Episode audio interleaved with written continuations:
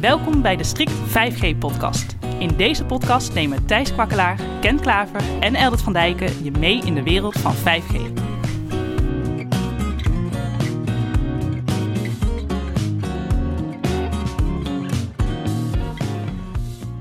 Dit is de Strict 5G-podcast. Ik ben Thijs. Ik ben Ken. En ik ben Eldert. Slimme meters spelen een belangrijke rol in de energietransitie. Het is ook de doelstelling van de overheid om alle huizen hier dus ook mee uit te rusten. Deze meters zitten nu veelal op 2G-technologie en ook een deel op de 450 MHz band.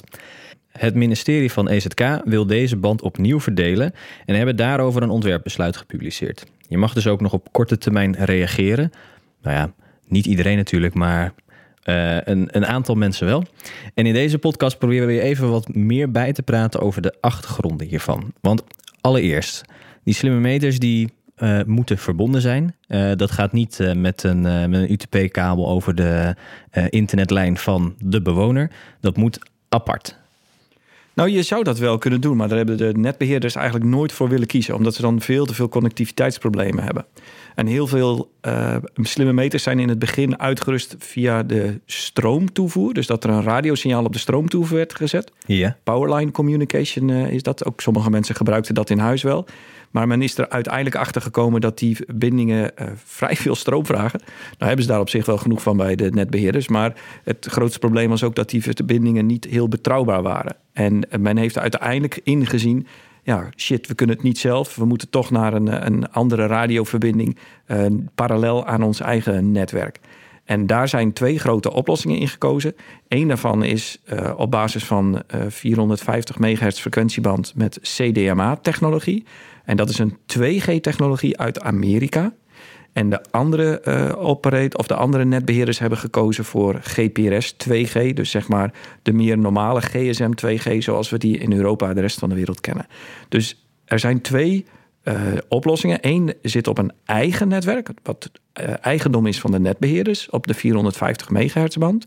En een andere zit op Vodafone en KPN met behulp van een SIM van die mobiele publieke netwerken. En wat zijn de voor- en nadelen van deze twee opties? Ja, daar kun je hele goede discussies over voeren. En de ene uh, netbeheerders hebben gezegd: wij vinden een, een publieke sim prima voor onze uh, oplossing. En de anderen hebben gezegd: we willen meer controle hebben over het netwerk. Het is een belangrijk onderdeel van de Nederlandse samenleving en ook de besturing straks daarvan. Dus we willen meer controle over dat netwerk. Dat doen we niet bij een publieke operator, maar we maken daar eigenlijk een privé-netwerk. Een technisch voordeel is wel dat je voor een, een, dat CDMA-netwerk uh, wat op de 450 MHz band draait. Dat is een lage frequentie, dat hebben we al eerder besproken. Lage frequenties dringen over het algemeen dieper door in huizen. Dus je hebt uh, landelijk gezien uh, minder opstelpunten nodig om zo'n netwerk te bouwen. Dus de kosten zouden daardoor lager ja. kunnen zijn. Ja. Aan de andere kant, mobiele operators die 2G, GPRS, die hebben het netwerk al. Dat is al een bestaand iets. Dus zet je die tegen elkaar af, dan vraag ik me af welke kant de balans uit gaat. Ja. En wie heeft nu eigenlijk het beheer op die 450 MHz band? Dat is Utility Connect. En Utility Connect is een licentiehouder van een, een 450 MHz. Dat is eigenlijk de oude autotelefoonnet licentie die KPN uh, nog in de kast had. Uh, dus toen ATF 2 werd opgeruimd, het autotelefoonnet 2 op 450 MHz. Toen GSM kwam, toen zeiden ze eigenlijk, ja, wat kunnen we hier nog mee? En toen waren er gelukkig een paar slimme uh, mensen die zeiden van, misschien kunnen we dit gebruiken voor een slimme meteroplossing. En daar is toen uh, een, een volledig netwerk voor gebouwd, vanwege het feit dat men die licentie nog had bij KPN. En die licentie is door KPN overgedragen aan Utility Connect. En uh, die hebben nu die licentie, maar die is een tijdje terug al afgelopen. En de hele uh, lastige discussie was voor Utility Connect... is dat ze daar nu 3 miljoen slimme meters mee hebben uitgerust. Maar een paar jaar terug het grote risico liepen... de licentie op die frequentie te verliezen. En daarmee zou je dus in een plotseling... ongeveer de helft van de Nederlandse slimme meters kwijtraken qua connectiviteit. En daar heeft Strik toen ook in 2020 een onderzoek naar mogen doen. En toen hebben wij al gezegd, ja, dit is niet een wijze keuze. En diverse, uh, of een paar andere collega-onderzoeksinstituten hebben ook rapporten geschreven voor het ministerie, waaronder Stratix. En in het Stratix-rapport zie je ook van ja, je kunt niet zomaar tegen de bestaande gebruiker met 3 miljoen slimme meters zeggen van uh, eventjes stoppen en je moet iets anders neerzetten. Nee, want die ontvangers en, ver, en eigenlijk die chips die in die slimme meters zitten, die kunnen niet vanaf afstand eigenlijk omgeschakeld worden naar een andere frequentie. Correct. En ook niet naar een andere technologie. Dan moet je echt nieuwe radiochips inbouwen. En ze hebben ons wel eens uitgelegd dat uh, het in Nederland mogelijk is met zeg maar alle installateurs in te zetten die daarvoor geschikt zijn en nog een aantal andere erbij te gebruiken. Uh, dat je ongeveer 800.000 slimme meters per jaar in Nederland kan ombouwen van bijvoorbeeld 2G naar een 4G-technologie. Wat een veel logischer keuze zou zijn op dit moment. Dus dat, dat heeft nogal wat voet in de aarde om dat voor elkaar te boksen. En daarnaast is het ook niet iets wat je volgende week mee kan beginnen op het moment dat je zoiets besluit. Want de keuze van een modem, dus een chip voor een slimme meter eh, met een bepaalde radiotechnologie, dat heeft in het verleden eh, een proces gekost met uh, Europese aanbestedingen en het hele gereed maken van zo'n chip voor toepassing in Nederland kan maar zo zijn dat dat drie, vier, vijf jaar duurt. En vervolgens, op het moment dat je dan zegt van nou, ik ga een, een ongelooflijk grote groep mensen aan het werk zetten en overal slimme meters vervangen, uh, of de, de, de radiochip van die slimme meters vervangen, dat is een proces wat ook een paar jaar duurt voordat je zo'n project kan starten. En de hele doorlooptijd ja, zit je toch al gauw, denk ik, aan meer dan tien jaar te kijken. Om alle slimme meters die vandaag de dag met 2G zijn uitgerust, waarvan we weten dat 2G eindig is, ja, dat is nogal een proces om dat om te bouwen. Dus eigenlijk zitten we voorlopig nog vast aan een technologie waar we eigenlijk een beetje vanaf zouden willen. Nou, en, en, dat is ook wel een hele interessante ken, want 2G zou eerder toch uitgezet worden? 2G zou uitgezet worden. Ik hoor data van 2025. Dus dat is al over, uh, over twee jaar. En uh, er zijn operators die 2G niet meer hebben. Maar uh, ehm, 2G is natuurlijk nog volop in gebruik bij allerlei IoT-toepassingen. Ook bij, bij dat we zeggen, meters van waterstanden in polders. Hè. Bij waterschappen zijn heel veel M2M toepassingen die op 2G draaien. Maar ook voor slimme meters. Die kan je natuurlijk allemaal niet zomaar vervangen. Je zou al die dingen af moeten om fysiek apparatuur te gaan vervangen. En de meeste is allemaal niet modulair. Anders zou je zeggen, ik stuur er iemand langs en prik er een andere module in en dan kunnen we weer jaren voort. Maar zo is het natuurlijk niet.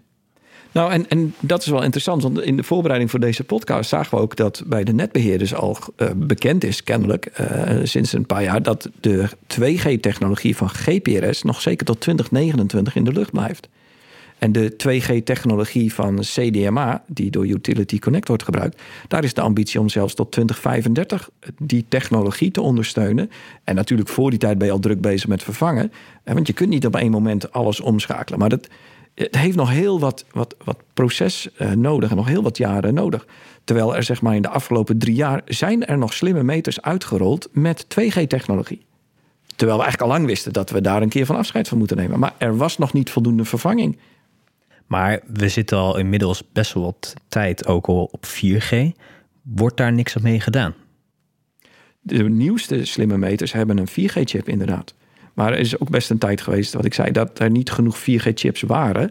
En men ook niet zomaar kan zeggen: Nou, ik heb dit type slimme meter met deze chip. Heeft een volledige type goedkeuring uh, proces gehad. En ik heb nu een andere van, en in de aanbieding. Uh, laat ik die even in plaats daarvan inzetten. Nee, dat, dat zijn ongelooflijk complexe processen. Om, omdat alle monteurs opgeleid moeten zijn. Het moet helemaal vrijgegeven worden. En het kost ook heel veel geld om dat allemaal te vervangen. Een slimme meter moet ongeveer 15 jaar meegaan. In de praktijk is het maar 7, 8 jaar. En zo'n slimme meter kost ook een paar honderd euro. Dus ja. voordat we dat bij ieder huis vervangen hebben, is dat ook gewoon maatschappelijk een enorme investering. Dat is ook best een uitdaging, want uh, in de inleiding zei je al Thijs dat slimme meters een belangrijke rol spelen bij de energietransitie. Ja. Waarom was het ook alweer zo? Nou, dat, dat is ook een hele interessante. Er zijn nog steeds mensen die een slimme meter weigeren. Omdat ze gewoon uh, een meter willen hebben die ook terug kan laten draaien. En op het moment dat je zonnepanelen hebt, dan laat je ze terugdraaien. En de ambitie is uiteindelijk met slimme meters dat je ook uh, huizen kan afschakelen of bijschakelen. Of veel beter inzicht hebt in wat het van elk kwartier tot kwartier het stroomgebruik is. Uh, zodat je meer dynamisch met je net uh, kan gaan spelen. En op dit moment is er heel weinig manieren om, om het net te besturen.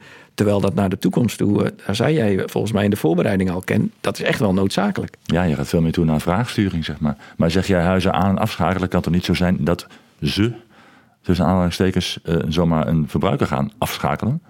Maar je kan natuurlijk wel iets met, met tarivering gaan doen. Bijvoorbeeld, ja. Dus daar zit, zit nog best een worsteling. Want de, de, als je aan eh, bepaalde eh, bestuurders van de, van de meters vraagt... wat zou je er eigenlijk mee willen? Dan komen daar dingen uit waarvan wij misschien als maatschappij nog zeggen... daar zijn we nog niet klaar voor als gebruikers. Ja. En als we dan wel kijken naar die, die toekomst, dus de GPRS 2029, CDMA 2035.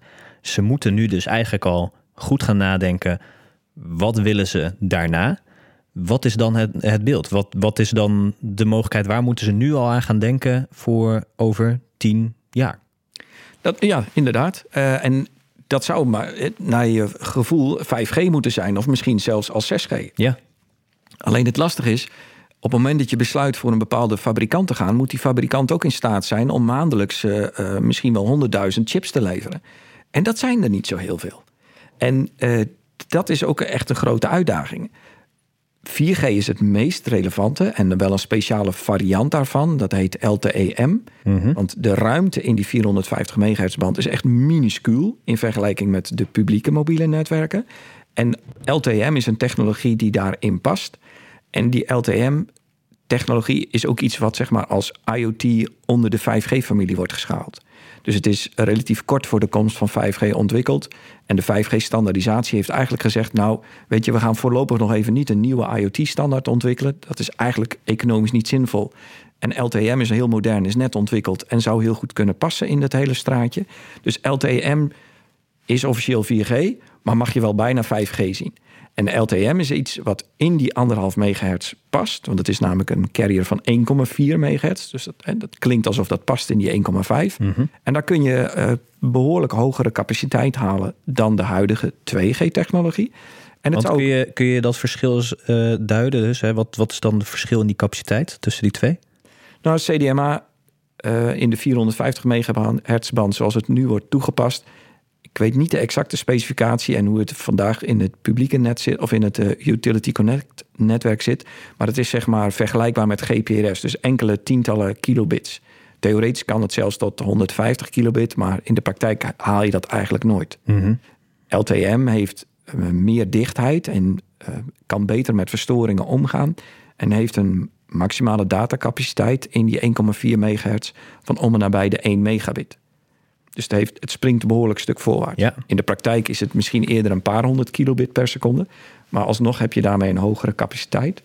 En het grote voordeel van LTM is je kunt kleinere cellen maken als CDMA meestal kan. Dus daardoor kun je ook een dichter, mazig netwerk maken. Maar dat betekent uh, wel weer meer opstelpunten, dus ook weer hogere kosten. Nou, in principe hoeft dat niet ten opzichte van de huidige opstelpunten. Maar stel dat het nodig wordt naar de toekomst, dan is dat met CDMA echt heel tricky om dat voor elkaar te krijgen. Mm -hmm. Want het is een 2G-technologie, dus relatief ouder. En 4G is, is gewoon beter geschikt met dat soort verstoringen om te gaan. Dus daar kun je makkelijker en fijnmaziger mee bouwen, mocht het nodig zijn in de toekomst. Maar als zometeen alle opstelpunten of alle netwerken naar LTM zouden gaan, in ieder geval genoeg capaciteit in het netwerk qua data throughput en snelheid om uh, alle slimme meters als het nodig is, één keer per kwartier, één keer per vijf minuten uh, uit te lezen of zelfs uh, live sturing te kunnen doen. Nou, en je kunt er ook nog over discussiëren als je LTM-chip erin stopt. dat je nog kan kiezen om voor een publiek netwerk te gaan. Want ook publieke ja. operators in Nederland hebben een LTE-M-technologie. Niet alle, maar de meeste hebben dat ook in de aanbieding. Mm -hmm. Dus stel dat je een LTM-chip in een slimme meter stopt die zowel de 450 MHz band ondersteunt als de meer gebruikelijke 700, 800, 900 MHz banden, dan zou je ook zeg maar die uh, slimme meter geschikt hebben voor zowel publieke als private net. Ja, maar laat ik de vraag omkeren als je de huidige technologie laat bestaan. Stel dat dat zou kunnen, gelet op de lifecycle van de technologie. Ja. Zouden beide netwerken dan samen genoeg capaciteit hebben om datgene wat nodig is voor vraagsturing te realiseren. Met andere woorden, één keer per kwartier uh, of één keer per vijf minuten of zelfs live uh, de, uh, netten te besturen op afstand. Is die capaciteit dan voldoende? Want Oeh, hoeveel, dat is een goede vraag. We hebben nu 7 of, 7 of 8 miljoen van die dingen zometeen. Hè? Ja. Um, ja, er zit toch wel een verschil in de, in de throughput en de latency en de capaciteit zeg maar, die LTE biedt versus GPRS slash CDMA. Nou, en ik heb daar geen goede cijfers over kennen. Maar mijn gevoel zegt dat het niet kan namelijk. Dat, dat LTM dat wel kan. Ja, eens. Sorry. Ja, op die manier ben ik het met je eens. En het, het, lastige hierin is namelijk ook nog... is dat in het protocol van de slimme meters... is in het verleden heel veel uitdaging geweest... om het via 2G werken te krijgen. En dat zat hem onder andere in... omdat de slimme meters vanuit powerline communication dachten... met een hele slechte verbindingskwaliteit. En eerst allerlei checks deden voordat de informatie werd verstuurd. Dus toen ze dat over GPRS deden en je dacht van nou een slimme meter, waarschijnlijk één of twee IP-datapakketjes, daar kun je de informatie in stoppen en dan ben je zeg maar met één of twee seconden uitlezen ben je klaar. Maar ze kregen het niet binnen 20 seconden uitgelezen, omdat ze eerst met die slimme meter gingen checken van joh ben jij er? Ja ik ben er. Hoe laat heb jij het? Oh ik ben deze. Oh welk type nummer heb jij? Ik heb dit type nummer. Oké. Oh ja en wat is je meterstand? Oh ja ik heb deze meterstand. Oh ja is dat klopt dat? Ja ik heb het inderdaad ontvangen. Dus dat hele vraag- en antwoordproces per slimme meter, dat duurde soms 30 seconden. Je wilt wel overheid en dat kost, ja, want, want, ah, GPS deden soms anderhalf seconde voor, voor de, in die tijd om, om heen en weer te communiceren. En sommige slimme meters reageerden wat traag. Dus dat hele proces duurde veel te lang. Dus als je daar aan die capaciteit wil rekenen, moet je ook nog snappen hoe zit het protocol te heden ten dagen in elkaar. En hebben ze het slim genoeg ontwikkeld? Want in het verleden was dat echt niet slim ontwikkeld. Dus toen ik daar vanuit mobiele netwerken mee bezig was en IP-verbindingen redelijk stabiel waren, keek je naar de informatie die er overheen ging toen de klachten waren. En zeg je, ja, maar wat is dit nou voor kolder? Waarom ga je eerst de tijd weer samen uh, afspreken? Waarom ga je eerst dat checken? Waarom doe je dat? Ze zeiden, ja, dat is nodig omdat het op een powerline communication uh, nodig was. Ja, maar toch niet op 2G GPRS. Dus, dat, dus het is heel moeilijk om die capaciteit te berekenen, omdat soms in die slimme meters extra communicatie heen en weer gaat voordat ze naar een uitleesactie gaan. En dus eh, bijvoorbeeld encryptie of uh, men wil überhaupt een handshake doen. Uh, om zeker te weten dat je met de juiste slimme meter praat. En want ook, ook cybersecurity is gewoon een aspect wat op slimme meters een heel belangrijk iets is. Tuurlijk.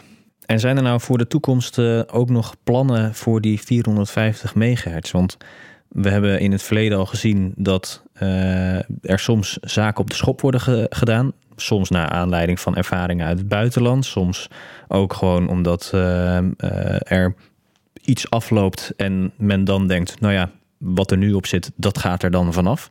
Zijn er voor de komende tijd nog plannen mee? Zeker, ja. Internationaal is ook heel veel ontwikkeling op die 450 megahertz. En daar ben ik heel blij mee. Want op het moment dat je chips wil hebben, dan zul je diezelfde krijgen als het maar in één land toepasbaar zijn. Ja. En het is wereldwijd nu gezien als, als een belangrijke band. Dus we zien ook meerdere chipsfabrikanten daar gewoon grootschalige productie voor opstarten. En dus dat, dat geeft ook vertrouwen naar de toekomst dat je dat in ieder geval tot een behoorlijke lengte van dagen uh, die spullen kan blijven bestellen. Want een ecosysteem moet gewoon groot zijn. Um, in het buitenland zie je ook dat het vaker voor missiekritische communicatie gebruikt wordt. En vooral in de utility sector. Dus alles wat met onze stroomnet te maken heeft en energienetten, dat men heel graag daar ook de besturing van in een eigen netwerk wil hebben. En vooral in Duitsland is men heel druk bezig geweest rondom die energiewende. Dat men zei van ja, we hebben zoveel duurzame energieparken, uh, bijvoorbeeld windparken en uh, zonnecelparken, waarbij we soms uh, tussenstations moeten beschakelen op het moment dat er ergens een storing in het net is.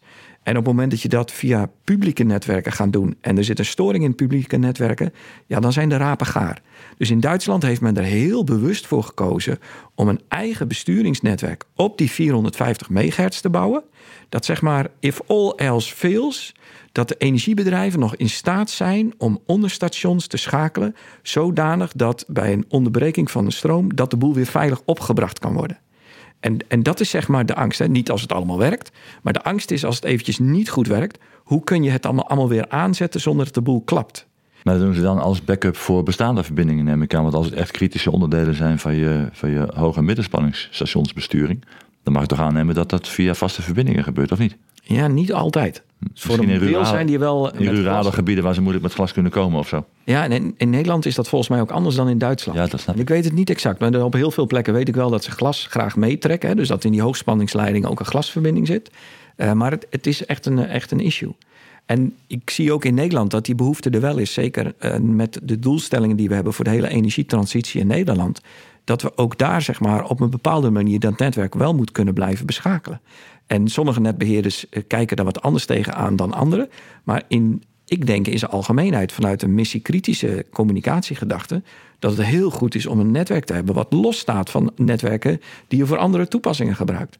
Want zeker op het moment dat je uh, er een stroomstoring is in, eh, op een bepaalde locatie, dan weet je bijna zeker dat iedereen begint te bellen van heb jij ook geen stroom? Of ik bedoel, bij ons gebeurde het vorige week in de straat en de hele wijk eh, zat vol te appen van nou, heb jij dat ook? Ja, we hebben het ook. Oh, hebben jullie het? En er werd nog eens een keer gebeld door mijn oude overbuurvrouw van hey, bij ons mij doet de stroom het niet. Uh, wat heb ik verkeerd gedaan? Nou, nee, er is niks aan de hand.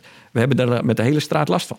Dus tijdens zo'n energieonderbreking zijn de publieke netwerken ongetwijfeld heel druk. Ja. En op het moment dat je daar dan ook de communicatie overheen moet laten lopen, ja, dan moet je het wel heel goed geregeld hebben met allerlei vormen van slicing en andere dingen. Waardoor sommige netbeheerders zeggen van nou, weet je, ik vertrouw het even nog niet. Ik heb het liever volledig in eigen hand. En dat is wel te begrijpen. Uh, in mijn intro uh, uh, riep ik al dat EZK een ontwerpbesluit heeft voor herverdeling van die 450 megahertz. mensen kunnen daarop reageren. Reageren jullie er ook eens even op? Wat vinden jullie daarvan? De band is 3 megahertz breed in wezen in Nederland. En we hebben ook al strikt gevraagd: van, ja, zou je niet beter en wat breder kunnen maken? Hè? Oprekken naar 5 megahertz. 5 megahertz is zeg maar een minimale standaard waarmee je met 4G, maar vooral ook met 5G eh, wat interessante dingen kan doen. Want met de 3 megahertz die er nu is, en die wordt in tweeën gedeeld, hè, dus nou je twee keer anderhalve megahertz over. Wat kun je eigenlijk met zo'n anderhalve megahertz? Uh, nou ja, niet zo, niet zo heel veel, denk ik dan. Je kan er natuurlijk wel een LTE-M-netwerk op gaan bedrijven. Maar wat ga je er vervolgens mee doen? Want LTE-M, dat zei je al, hè, dat, dat heeft een redelijke throughput van een megabit per seconde, up- en downlink. Je kan er ook wat sprake over doen. Dus het is misschien okay, voor. Dus dat, dat kan wel, hè? Dat kan wel. Je kan ja. wel sprake over doen. Er zijn ook wel wat proeven mee geweest. Maar voor wie is nou zoiets interessant? Want uh, ja, we hebben al gedacht misschien voor, voor, voor landelijk opererende instanties. Denk aan een Rijkswaterstaat of aan, een, uh, geen idee, partijen die, uh, ANWB. Uh, hebben die interesse? Nou, in ons onderzoek uit 2020 hebben we ook bij allerlei instanties gevraagd... of zij interesse hebben in dat stuk band... wat toen een geheel ter discussie stond. Hè? Ja. Van, van wat willen jullie daar eigenlijk? En de, na de belangstelling viel toch enigszins tegen. Want ja, je moet wel een netwerk bouwen... met een relatief kleine bandbreedte... Uh, en dan moet je natuurlijk ook nog enigszins winstgevend, winstgevend zien te halen, weet je wel. Dus je hebt natuurlijk klanten nodig die het netwerk gaan gebruiken. En je wil daar tikken op, op realiseren, zal ik maar zeggen, om, om, om het enigszins terug te verdienen. Ja, precies. En, en waar ligt die netwerk bouwen? Ongeveer? Nou ja, netwerk bouwen uh, in de 450 megahertz band. Uh, hoeveel mast heb je nodig? Voor mij zeiden we iets van 200 mast om een, een, een, een netwerk op die band landelijk dekken te krijgen met, met die technologie. Uh, nou, reken, wat hebben we ook weer uitgerekend? Tonnetje of anderhalf per mast. Met apparatuur, 2 ton. 2 ton per opstelpunt. Ja. Um, ja, je moet toch behoorlijk wat investeren voor zo'n netwerk. En zie dat dan maar eens in de levensduur van zo'n systeem terug te verdienen. En, en dat is ook het lastige. Hè? Dus op het moment dat je zegt van nou laten we kijken of Rijkswaterstaat of een andere partij als inderdaad de ANWB of misschien nog iemand anders. Dat is maar een voorbeeld hoor. Ik wil niemand daarbij in discrediet brengen. Maar. Precies, dit gewoon even wat, uh, precies wat namen noemen. Maar zeg maar voor je beeldvorming, op het moment dat je iets van een dienst daarop doet kwamen we eigenlijk tot de conclusie dat je minimaal 100.000 klanten nodig hebt op zo'n netwerk. Die dan ook allemaal een paar tientjes per maand willen betalen om het überhaupt rendabel te maken. En Statex heeft in hun rapport daar ook nog eens een keer goed aangerekend. En die, die zeggen van nou, het is allemaal niet zo dik. En uh, om überhaupt eruit te komen, kwamen ze tot 12 jaar minimaal voordat je terugverdientijd uh, gehaald hebt. Dus dat, dat is nogal een behoorlijke lange periode. En er zijn weinig investeerders nu, nu zullen zeggen van... nou, hier heb je 100 miljoen, doe er iets leuks mee... en over 12 jaar is het pas terugbetaald. Ik bedoel, dat, hoe in de huidige markt is dat wel een hele grote uitdaging. Um, dus het is geen huis met een hypotheek. Het is, het is een netwerk waarvan je de technologie redelijk snel ontwikkelt... en het hoge operationele kosten zijn... en het nog maar de vraag is of je zoveel klanten kan vinden. Dus het is voor weinig mensen weggelegd dat je zo'n netwerk in de lucht kan uh, brengen. En ook nog eens een keer in de lucht kan houden.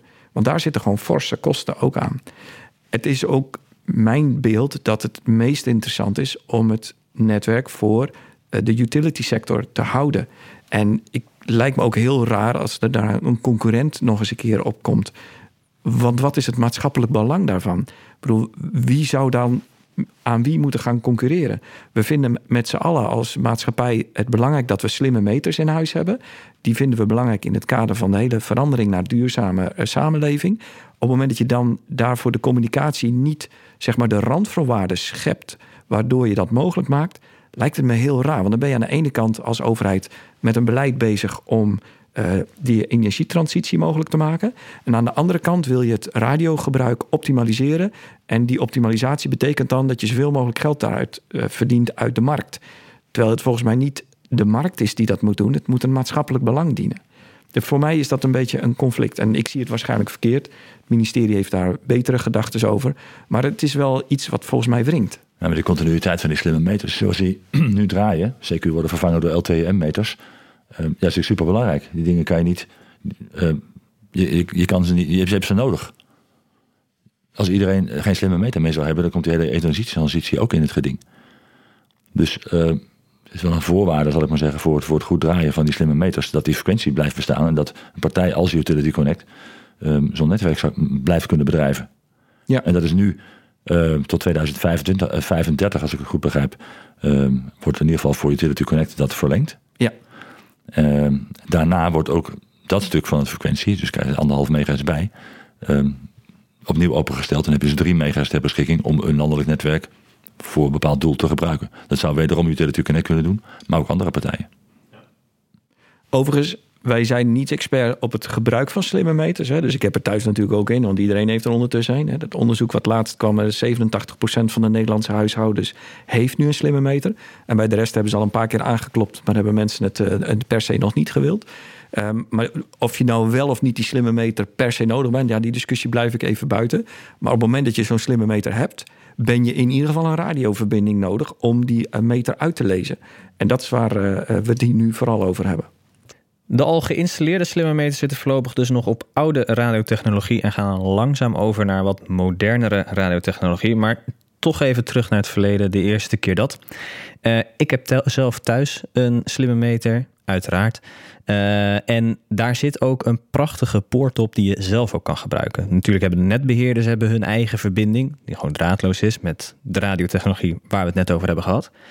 Uh, maar ja, je kunt er ook een kabeltje in stoppen, een zogenaamde P1-poort.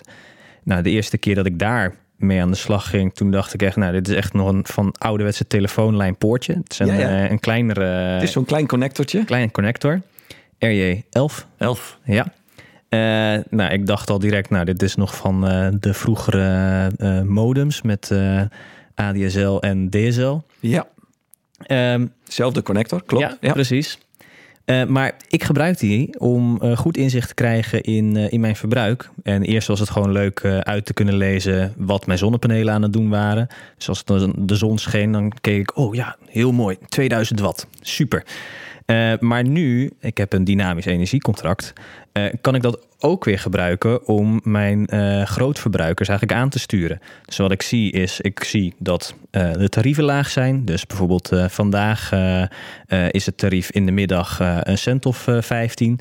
Nou, dan zorg ik dat de warmtepomp op dat moment het warme water gaat, gaat voorzien. Of dat mijn vaatwasser aangaat of mijn wasmachine omdat ik zo heel gemakkelijk kan zien, ah, ik ben op dit moment, uh, uh, lever ik energie, maar ja, zijn de kosten laag, kan ik beter dus energie gaan verbruiken op het moment dat er uh, veel energie op het net is. En als ik zie, oh, de tarieven zijn wat hoger, dan kan ik ook kijken, hey, ik zie dat, dat er in mijn huis iets 1000 watt aan het verbruiken is. Hmm, misschien eens even nagaan welke stekker ik eruit kan trekken, want dit kost geld.